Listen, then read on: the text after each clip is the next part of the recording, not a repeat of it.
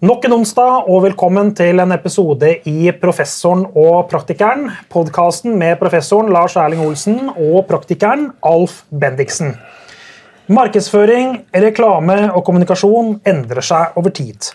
Faget er i konstant utvikling, og det vi var opptatt av for noen år siden, og det som da var helt nytt, er i dag enten gamle sannheter eller forkastet.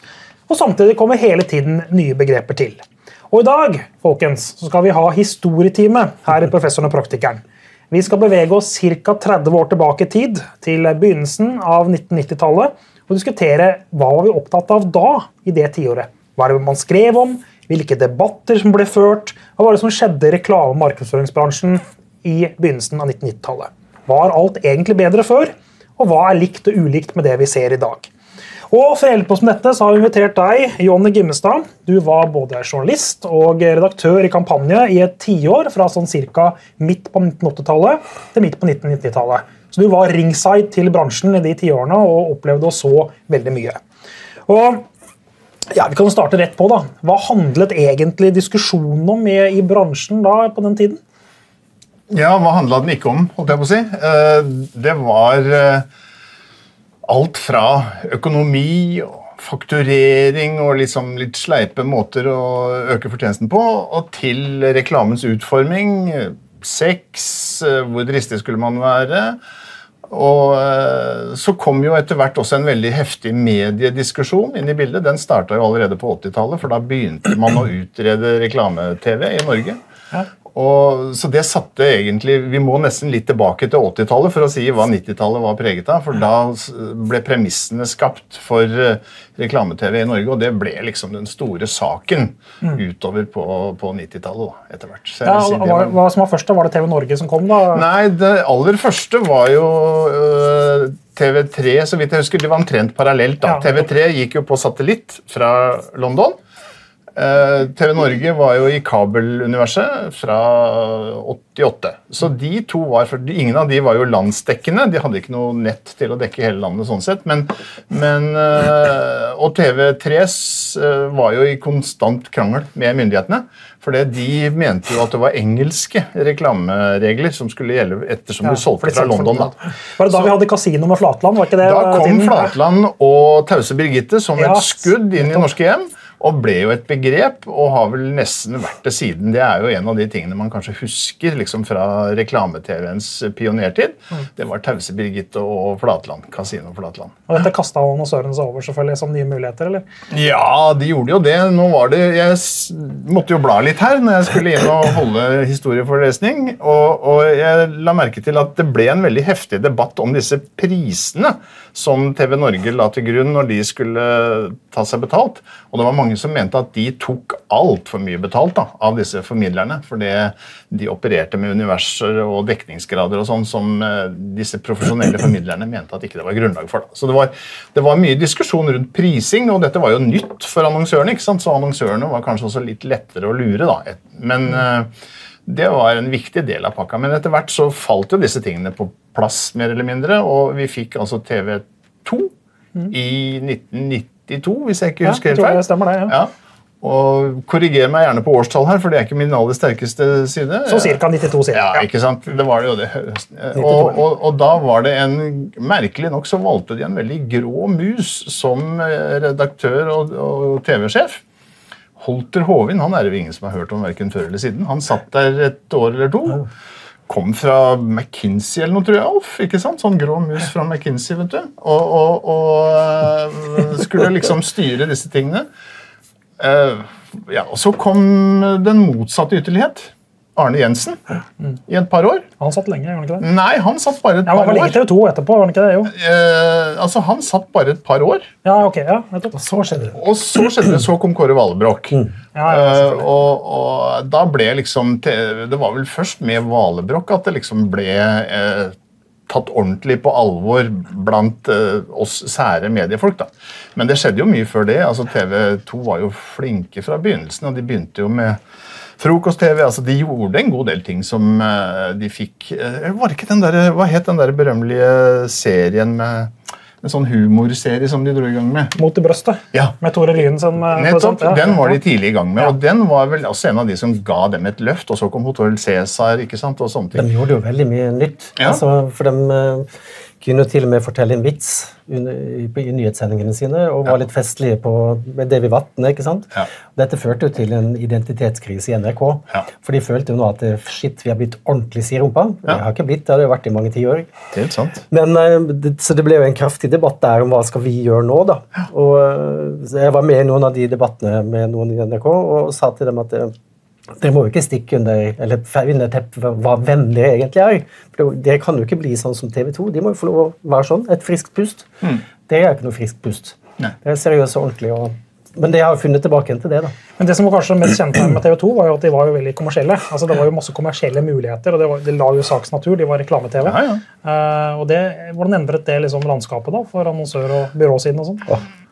Ja, dette kan jo Alf mer om enn meg, men det som var litt morsomt, eh, det var jo at en del av kanonene i reklamebransjen de var jo sterke motstandere av TV-reklame i utgangspunktet. Eh, I, I kampanje husker jeg intervjua tre av de store kanonene på Navarone. altså Ingebrigtsen Jensen, eh, Johan Gulbrandsson og Nils Petter Norskar. De var til og med ute på Akershus festning for å ha liksom virkelig tunge skyts i bakgrunnen. Og de, og de hadde jo laget reklamefilm, eh, disse folka, i mange år, og høsta priser og ære, og vel fortjent for det. Ja, Da var det kino de hadde laget? da, ikke sant? Det var kino. Ja. Eh, norske kinoer, og internasjonalt gikk jo det også ganske bra, med priser og det hele. Og, og, men TV-reklamen den anså de for et for avskum. Det var liksom eh, altfor kommersielt, og dette måtte lages mye kortere ikke sant, og kjappere, og på måter de ikke var komfortable med. Da. Så det ga de uttrykk for i sterke vendinger. Etter hvert så fikk jo pipa en annen lyd, for det var jo etter hvert der mye av penga lå. Og det er jo penga som taler, til og med i reklamebransjen. Det var, det, det det var overraskende. men det var Av mange debatter i bransjen så er vel kanskje det en av de mest latterlige. Ja. Når, når er vi i tid nå? Er vi sånn, 92. ja, sånn omtrent da TV 2 kom? liksom? Rundt, Ja, det, det, Dette var nok litt i forkant av akkurat det, for det var mye debatt rundt, eh, rundt disse tingene. Altså, eh, der må jeg si at man savner jo kanskje, hvis jeg skal virkelig være sånn gammel gubbe og se tilbake, så savner man kanskje de byråene som var så kloke og langsiktige at de tok styringa litt og la premissene for samfunnsdebatten. Det gjorde Bates med Per Berg i spissen. De fikk jo Stein Leikanger til å lage en utredning om reklamefinansiert eh, TV. Og den presenterte de omtrent samtidig med at den offisielle TV 2-utredningen kom fra Tor Bjarne Bore. Eh, En liten historie om det er jo at Da jeg skrev om den, da, om Stein Leikangers, så skrev jeg at Stein Leikanger hadde sittet ved Tor Bjarne Bores føtter.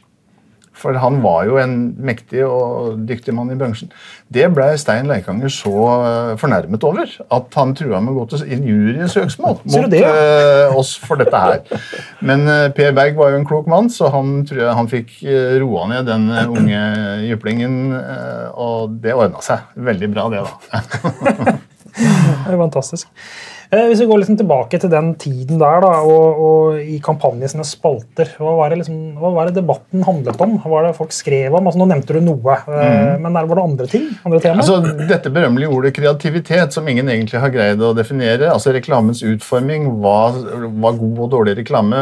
Handla det om liksom det å vekke oppsikt? Skulle det være morsomt? Skulle man liksom hylle produktet? Eller whatever.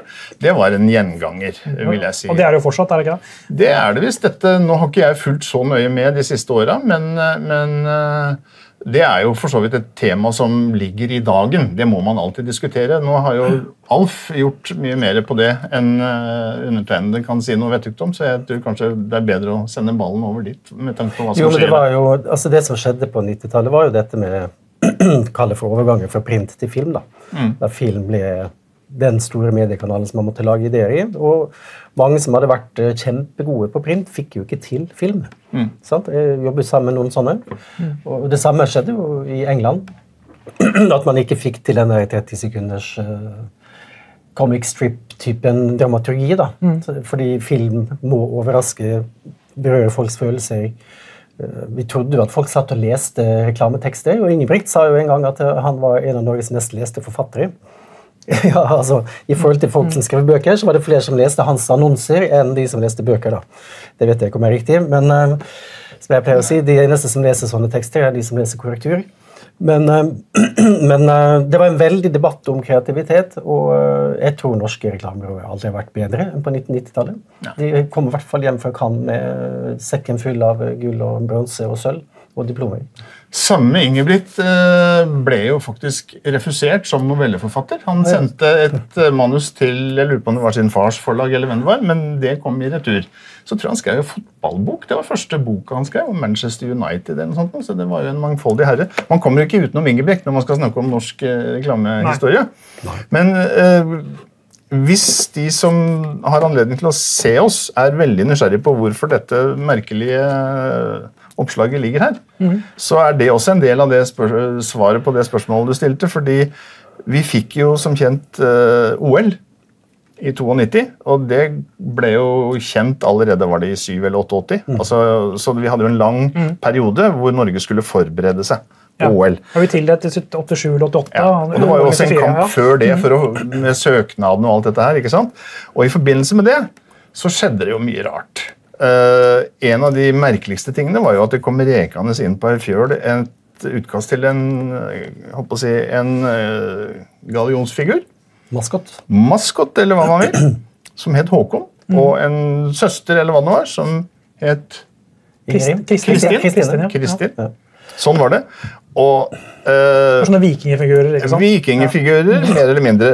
Dette vakte veldig harme i designmiljøet. Og vi fanga opp den og prøvde vel etter fattig også å bidra til å forsterke den. Og tok en runde blant de proffe, dyktige designere i Norge om hva de syns om både prosessen og resultatet. Og den som formulerte det sterkest og klarest og morsomst, var jo Bruno Oldani. Eh, fred være med hans minne, han er død nå. Som sa at uh, Håkon er en Peter Pan med vikinghjelm. og, og, eh, jeg tror det var veldig mange som var enige med eh, Bruno i det. Men den ble hengende allikevel. Mm. Eh, og fortrengte dessverre et veldig mye bedre produkt som ble laget av designerne Engen og Harlem. Den der nordlyssymbolet. Ja, så logoen til ja, ja, ja, ikke sant? Som jo fanga opp veldig mange fine ting. Så, så det kom litt skeivt ut med den norske si, profileringen da, rundt OL. Og det var et stort tema, mm. naturlig nok. Og det varte jo til etter OL, mm. OL i 92, og så skulle man jo liksom høste fruktene av dette her. Og den jobben satte man jo bort til Eksportrådet, som hadde et profilutvalg. og noe greier, og Det var helt borti ja. Mm. Hvis man skal være litt uh, kritisk til kampanje i dag, så er det i hvert fall noen som sier at kampanje av og til blir litt sånn organ for selvpromotering av firmaer og mennesker.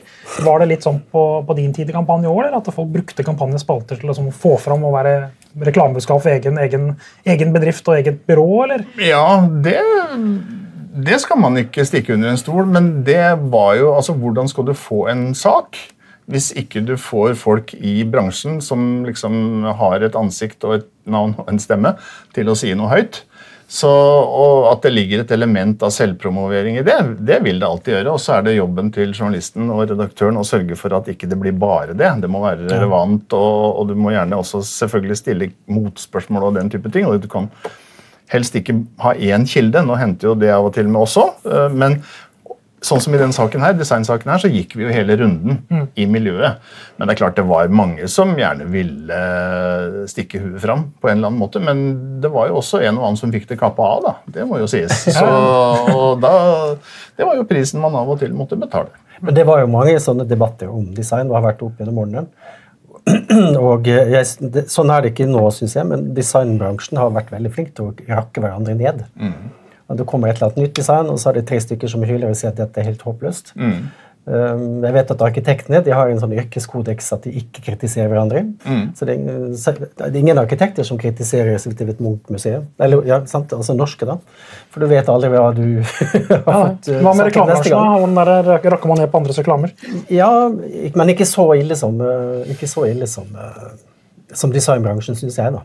Altså, vi hadde, men det seg. Absolutt. Vi hadde en fast spalte som het Månedens utvalgte, hvor folk fra reklamebransjen og andre kunne vurdere akkurat de reklamene de ville. Eh, det var jo lett da det var print. Da det kom film, så ble det litt vanskeligere etter hvert. Men, men eh, der var det jo fritt fram til å synse hva man ville om de andres reklame. Mm. Og, det, gjorde man. Jeg vil vel si at altså, Vi la jo ikke opp til at det skulle være bøddel og øks, uh, på noen måte, men det var jo absolutt en kritisk holdning og en positiv holdning når det var grunnlag for det. Mm, mm. Så det var en sånn spalte hvor det var Men det skjedde jo noe annet på begynnelsen av 90-tallet, og det var jo at uh, begrepet merkevare ble mm. lansert. Mm. Sånn rundt 1990-1991 eller noe sånt. Ja. Som, uh, som, ble et nytt element inn i faget vårt. da. og jeg husker jo et reklamebyrå som Eh, et, eller for å si det sånn da, Reklamebransjen var jo vi fordi jeg jobbet i byrået da, det var vi som ble sett på de som kunne merkevarebygging. da, fordi reklame var, unnskyld, merkevarebygging var reklame. Og så har man jo funnet ut at det er mye mer enn det, selvfølgelig. Men det var um, Orkla merkevareskole ble etablert i jeg husker ikke, 192. Jeg tror alle de som var holdt forelesninger der første dagen, kom fra reklamebransjen. Så, så reklamebransjen fikk jo en gave egentlig sånn, fra næringslivet da, om å bygge merkevarer som, uh, så vi måtte finne ut av i den perioden. For det fantes jo ikke litteratur, det fantes ikke undervisning. Så det var en veldig sånn leting etter eh, kompetanse. da. Hva, mm. er dette her for noe? Mm. Det var David Akers sin bok, tror jeg, som ja, alle leste. 1991-boka, ja. Mm. Sølvboka, som vi kaller den for. Ja. Sølvboka? Ja, for den, hadde, den originalutgaven 1991 hadde sånn sølvomslag. Oh, yes. Så ble det kalt i bransjen for Sølvboka. Det var, det, men det er riktig, det var en av de aller, aller første som, som kom. Ja. Men da var jo boka i seg selv tydeligvis også en ganske Man kan kanskje ikke kalle det en bok merkevare, men da gjorde den en god kommunikasjonsjobb, for det husker den jo fremdeles med det omslaget og alt. Har den på kontoret, jeg. Vi lagde jo Merkevareskolen. Ja, vi gjorde den. Eh, du var med på den, Alf, i høyeste grad. Jeg og Katrine Moe. Ja. ja. I, eh, fra Coca-Cola Ringnes, var ikke det? Hun var i Coca-Cola. Ja. Det, så det var jo en ting vi gjorde som var et forsøk på et svar på behovet for kunnskap i bransjen. Eh, det begynte egentlig med Selgerskolen en del år før. Som eh, først gikk som en sånn serie i blad, og så var det veldig etterspørsel, så vi lagde særtrykk og trykte opp og trykte opp. og trykte opp. Jeg tror søren meg den er trykt i 30 000 eller noe sånt. Yes. Eh, og det var kanskje også en litt sånn revolusjonerende ting at man liksom kunne skrive seriøst om selgeryrket. For det var jo det nærmeste du kom med et mannlig ludder. Det var en uh, selger. Så, Selgere har aldri vært populære noen gang. Nei, Så det var liksom, uh, det var liksom en også, Ikke det at vi sto der og liksom flagga og liksom selg, Men vi tok det som en profesjonell geskjeft. da, mm. Og hvordan man skulle gjøre ting systematisk og ordentlig.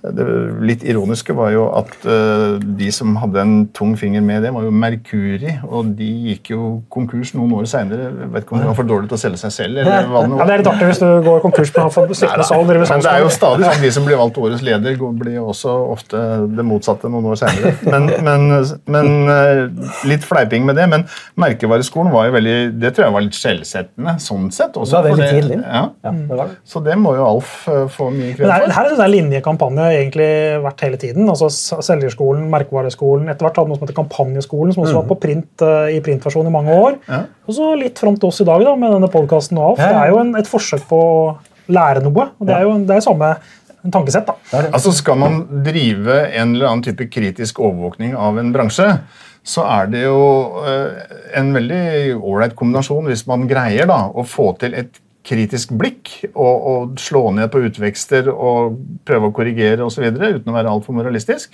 men samtidig også prøve å være litt konstruktiv. Altså, Hva kan vi bidra med sånn rent faglig, uten at vi liksom tror at vi er BI, eller noe sånt, men i hvert fall på en tilgjengelig måte for de som er engasjert i bransjen. Det, mm. Den kombinasjonen den tror jeg slo brukbart an, og den tror jeg det har vært veldig fint for kampanjen å holde fast ved også seinere. Men jeg tror dette med merkevare da det kom på agendaen, da, at det bidro til å profesjonalisere bransjen. Ja.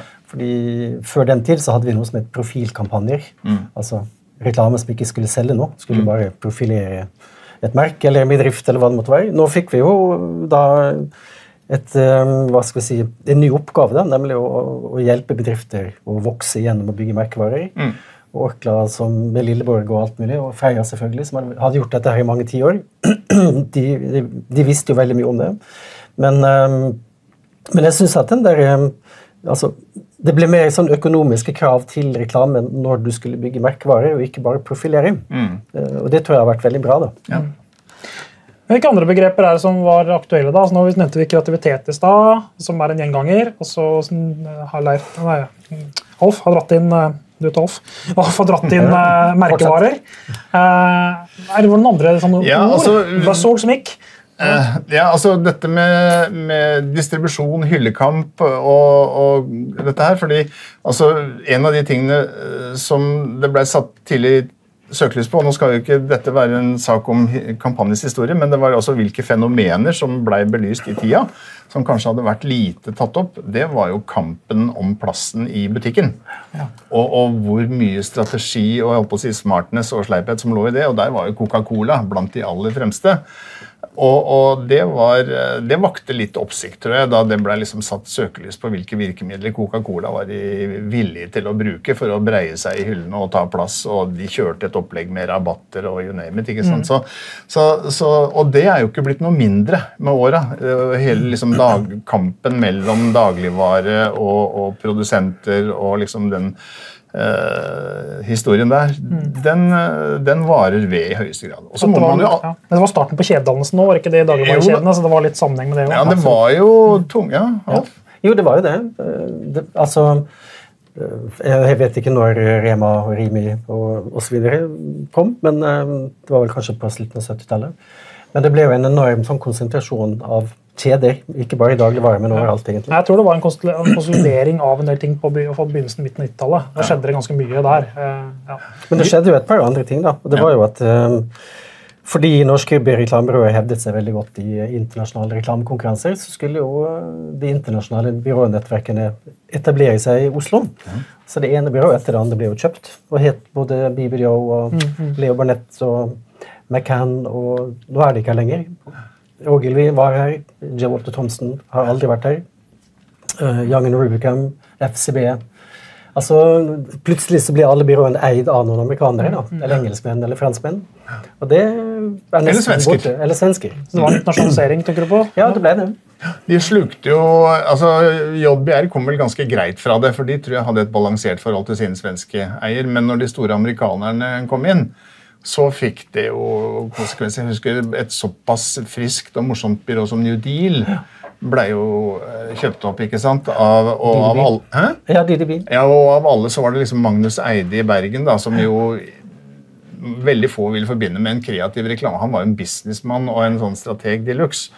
Som, eh, som liksom skulle bli sjefen for disse her eh, håper å si, bohemene oppe i Parkveien der. Det var, eh, det var vel Jeg tror de fleste som fulgte med i bransjen da undra seg over hvordan det kunne være mulig. Men det var oppkjøpsbølgen som begynte på 80-tallet, og, og som varte ved utover. Og som har vært en ulykke, tror jeg, på mange måter for bransjen. Det kom sikkert noe godt ut av det, og det kan du mer om enn meg, Alf. Men, men eh, særpreget og mye av den der litt sånn gøyale, gærne greia. Forsvant, ja. Mm. Men i senere år så har vi sett det motsatte. Ja, har vi ikke det? At vi har liksom eh, blitt mer norskeide byråer igjen som har liksom kommet opp. Jo, men det er jo litt sånn, Hvorfor i all verden skal man eh, som amerikansk børsnotert selskap eie et byrå i Oslo? Altså, Norden er 20 millioner, eller noe sånt, så det er eh, litt større enn store London. pluss pluss. Og så, så man fant ut at, det- Og det ser man jo nå. altså Norden blir jo enten styrt fra København eller Stockholm. Ja. Veldig lite fra Oslo, i hvert fall. Så det, Der er det jo noen som har tjent masse penger, og så er det noen som har kastet bort litt penger. Men så skjedde det jo én ting til, da. Og det var jo at eh, mediebyråene oppsto. Fordi mediebyrå, altså Medievalget ble jo tatt i et reklamebyrå. Ja, og de var jo de som var ikke det reklamebyråen tjente mest penger på? egentlig? Sånn, tjente sikkert, ja. ja, Jo, for de Den gangen, også. Ja, ja. Mm. Mm. Provisjon på mediesalg. Ja, Den cashflowen som fulgte med der, det var jo store penger, det. Ja, det var det. Og så ble det skilt ut, og det ble en egen bransje, da. Men det var jo allerede på 80-tallet. Ja. Så eksisterte disse her medieterminalene og Riks, Media Riks og hva det nå het. Ja. Det var jo veldig Medieterminal. Ja, Ja, det het noe forskjellig sånn med media, da, alle sammen. Og der gikk det jo øh, faktisk talt øh, millioner og milliarder gjennom slusene. På et eller annet vis, og de var jo mektige. altså Det var ikke mange det ble smiska så mye med som de folka fra mediebyråene. altså. Ja, Det var vel en tid også det var lov å smiske litt mer enn man gjør i dag, kanskje? Ja, altså Vi tok jo opp dette med smøring, husker jeg, og på forskjellige måter. Og da var det jo lov å smøre mm.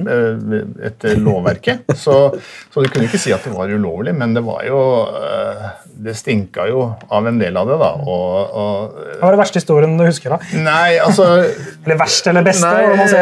Ja. eh, det var jo ganger når du kom på kontoret sånn oppunder jul hvor du lurte på om det liksom, jøss, har jeg havna på polet, eller er det liksom mitt eget kontor? For det sto pakker med vin ikke sant, og vinglass, og det gikk jo mye alkohol. da. Ble du smurt i kampanjeål, eller? Som journalist? eller? Ja, Vi fikk jo disse gavene innimellom. Det hendte at vi returnerte noe, faktisk, hvis det ble liksom sånn veldig i overkant. Men fordelen var jo at det kom jo fra så mange. Så, Så det var ut likevel. Hadde ikke noe å si. Ja, ja. Nei da, men jeg tror eh, hva, Det var vel mer et resultat av gammel vane enn at de trodde at de kunne kjøpe oss. Det tror jeg ærlig talt ikke det var mange som tenkte på. Jeg har aldri opplevd det. Det var sånn forretningskultur. Det var sånn man Ja, bare, liksom. ikke sant? Og det var give and take. Jeg gir til deg, og du gir til meg. Det var litt ja, det var jo veldig mye turer. Ja. Jeg har aldri vært så mye i Tromsø som da jeg jobba i byrå. og Var med Nordlandssamkjøringen, eller Nord-Norge-samkjøringen på Ja. party i tre dager. Ja, altså jeg, eh, det Der er jo, der ligger jo noen saftige. fordi jeg husker Jøtul av alle hadde funnet ut at de skulle lage en svær kampanje for et nytt peiskonsept. Og da ble vi invitert med på tur til Koblenz og liksom de nydelige vinområdene I Tyskland. Tyskland? -hmm. For, for eh, det skulle liksom De var store der, da, så vidt jeg skjønner. Det vil si, det vet jeg ingenting om, for det, det var ikke mye business som engasjerte altså, Jeg tror det var en fra Kapital og undertegnede og muligens en fra ØR eller noe. Og så mye god vin og så lite jobb i kombinasjon har i hvert fall aldri jeg gjort. Men det var enda morsommere med disse her eh, Du husker ikke noe peis, liksom? Nei, de hadde en veldig stygg peis som de lanserte, og som de bare kan være glad for at ikke vi skrev noe om. Men, men eh, jeg husker at det var også like morsomt, for det var mange jernvarehandlere med da, fra hele landet. Det var ikke bare presse, det var liksom et helt fly omtrent. Og de stakk enda flittigere på saften enn det vi journalister gjorde. Altså, og, og det skulle være wineprobe i et sånt vertshus, og en engasjert fyr som delte ut liksom den ene flotte avlslese og spetlese etter den andre. Og der satt jernvarehandlerne vet du, og var tørste. Og de dreit i om dette var liv fra Michelle Betles eller hva det var. De heiv det ned og var, og var veldig utålmodige når han begynte å legge ut og snakke om liksom, alle disse fine finessene. Så det, var, det å være med på noen av de smøreturene da, det var en uh, underlig opplevelse. Men den tida, den, har, den, er blitt, den er forbi. Nå har vi nesten bikka over i det motsatte, syns jeg. Nå har det blitt så prippent at uh, du skal liksom uh, Du må ringe til ligningssjefen for Ja. å høre om det er ålreit at du liksom får en halv eksport. Ja, det har skjedd på- Jeg det husker er- jo- Strenge regler også i bedriftene på hva man har lov til. Ja, ja. Det var en kollega som spurte meg en mandag-tirsdag på jobb. og så sa han, Alf, jeg er invitert med et sånt seminar til helga, men jeg kan ikke dra. Kan du stille opp for meg? Det var TV3, da. Så sa jeg ja, ja, ja, hvor er det? Jeg er i London. Å! Ja, så jeg var tre dager i London på party da, med TV3 og masse reklamefolk. Og, Men uh, sånne ting fins jo ikke eh, Kanskje det fins nå, jeg vet ikke, men det er i hvert fall så å si borte. da. Men Det er lett å liksom angripe det som noe negativt. Det er bra at det er borte, men, men har vi tapt noe på det òg? Ja, det tror jeg vi har. Ja, hva da? Jo, fordi da sitter du sammen med konkurrenter og drikker øl og prate og bli kompis. eh. Du, du fikk et helt annet samhold, syns jeg. Jeg vet ikke hvordan det er. Lærte man noe nå? eller? Liksom, ja, var det noe var noe læring i det Det var òg? ingen å lære av, så det var ikke noe å lære. Nei, nei, Men det var, nei, bare tuller. Ja. Det var masse, det var masse Alf var utlært allerede. Ja, han, han var ekspert, da. Så han, du, Han har men, men Alf lærte andre noe, kanskje? Ja. Nei, det var ingen som, ingen som hørte på meg. Sa han så. Men Kan jeg få lov til å putte inn en ting til? Fordi at Dette har jo forandra seg over tid. sånn at Da vi begynte i kampanje og var med på de første festene med de gamle gutta, Ja. så snakka de om hvordan det virkelig var i gamle dager. Og, det var, øh, og da var det ikke folka på gulvet i byrået, ikke sant? da var det sjefene som samla seg. Jeg tror det var i den Villa Gabel eller hva det var nede på Frogner. Og da var det liksom full pakke med cocktails og lutefisk og strålende middager og avekker osv. Og, så og så kulminerte det med at de hadde gjort en avtale med Chat Noir-balletten. Alle de spreke damene kom da på nachspielet for Chat Noir-balletten. Og det var enkelte som hadde rom der på Gabels. Det Eh, var så på. Nå, da snakker vi da? 60-tallet? da tror jeg vi er på 60-tallet. Ja. Eh, Så det er Mad Men-perioden som var så ja, jeg tror det var det. Så jeg, så noen av gutta ble ganske blanke i øya når de begynte å fortelle om når Chat Noir-balletten gjorde entré sånn etter midnatt. Men, men sånn var hele næringslivet var jo sånn. Det er bare å se på makta som går nå. Det var jo sånn overalt. Mm. Ja, du, Hvordan var bransjen på midten av 80-tallet til midten 90-tallet? Sånn i etnisitet, kjønn, alder? Hvordan så det ut? Nei, altså, Jeg tror ikke du så en mørkhuda person. Eh, kan jeg huske noen? Det tror jeg ikke. Det var liksom ikke noe tema. Det Nei. tenkte vi aldri på. Det var jo en del debatt om uh, kjønnsroller og, og den typen ting. Det var det jo. Uh, kanskje mer i reklamen enn i miksen av ansatte i byråene. Uh, det var jo veldig få kvinnelige ledere, men det var noen. Og, og de gjorde seg altså, De som først liksom var med og telte, de Jeg vet ikke jeg tror de følte at de ble tatt på alvor. i høyeste grad. Det var absolutt noen uh, Ågot Skjeldal i New Deal og sånn, husker jeg. Og, og i formidlingsbransjen, som du var inne på i stad, Mm, der var det mye, der var det mye Ja. kvinner. Og, og kanskje også fordi det krevde en nøyaktighet og sånn som gutta av og til var kjent for å gi litt blaffen i. Men, så der kan du si der var det jo litt kjønnsdeling, da. Men det er klart at reklamebransjen langt eh, opp på, på, på sida jeg gikk ut eh, Jeg slutta jo i kampanjen i 95. Var jo til dels sterkt mannsdominert. Fortsatt, det var den jo. Men det var jo, altså, Menn var byråledere, de var konsulenter, de var stort sett kreative team. Og alle junior- og prosjektledere, det var damer. Ja. Men hvor ble de av, det- disse damene? Eh, Det var jo interessant å Ja, men Sånn som jeg husker det på 90-tallet, så var du jo veldig gammel hvis du var 40 år i et reklamebyrå. Altså 40 år gammel, da. Da hadde du til og med liksom grå stenk i skjegget. og Det var ikke mange over 50 år som jobbet i byrå på, på 90-tallet. Det har jo skjedd, det har skjedd Hvor ble de av da, De som var 40 år da? som nå... Jeg vet ikke, Pensjonerte seg og begynte med noe annet. og Det er veldig mange som har blitt kunstnere. og Mange eh, holder jo til å spille golf og lytte på gammeljazz og koser seg. Eh, Det var jo mange som solgte seg ut. da, Hadde Ja. eierandeler i de gamle byråene. Men de som vi snakker om da, de er jo nå 70-80 år. Ja, altså jeg tenker liksom på, I dag er det jo vanligere med 50-60-åringer i bransjen. ja, ja. Så det har, det har skjedd Absolutt. noe der, da. Det, det, er, og det er positivt. Ja. Ja, Mer mangfold i hvert fall så det var før, ja. Ja. Jeg vet ikke hvordan det er etnisk, det har jeg ikke fulgt så nøye med på. Det var eh, Det har vært en ganske stor debatt om det i senere år, og det er vel litt sånn delte meninger om det, men, eh, men det, er, det er nok noe ugjort også der. eh, I dag òg. Ja. Men eh, du snakket i stad om at Ingebrett han var jo en, Ingebrett Sten Jensen han var jo et, en karakter. En veldig viktig bransjekarakter. Var det noen andre viktige karakterer på den tiden som er verdt å nevne, som kanskje har blitt borte siden da? Ja, Vi hadde jo Alf, da. Som kom inn fra konsulentsiden. Alf, Alf har vært der siden tidenes morgen, Ja, ikke på han. uh, nei da. Men uh, nei, altså han eh, Johan Gulbrandsson, som vi var inne på, som jo de færreste i dag vet hvem er Ja, jeg vet ikke hvem det er, så Nei, han, var, han var jo den mestvinnende norske reklamefilmskaperen gjennom tidene. 19 løver i Cannes. Ja. Såpass, ja. Eh, og, og i Cannes, hvis folk ikke vet hva det er, det var jo liksom for reklamebransjen det det er for filmbransjen, faktisk. Så der gikk man inn på rød løper og, og ble tatt imot som eh, en konge. eh, Hvis man vant. Og det var, eh, det var Det var faktisk et veldig høyt Altså det at du representerte norsk reklamebransje der de kan sånn, det, det, var, det var noe, det. altså, i hvert fall i Men så ble man også da litt sånn høy på det. Så ett år hadde de vunnet veldig mye, husker jeg.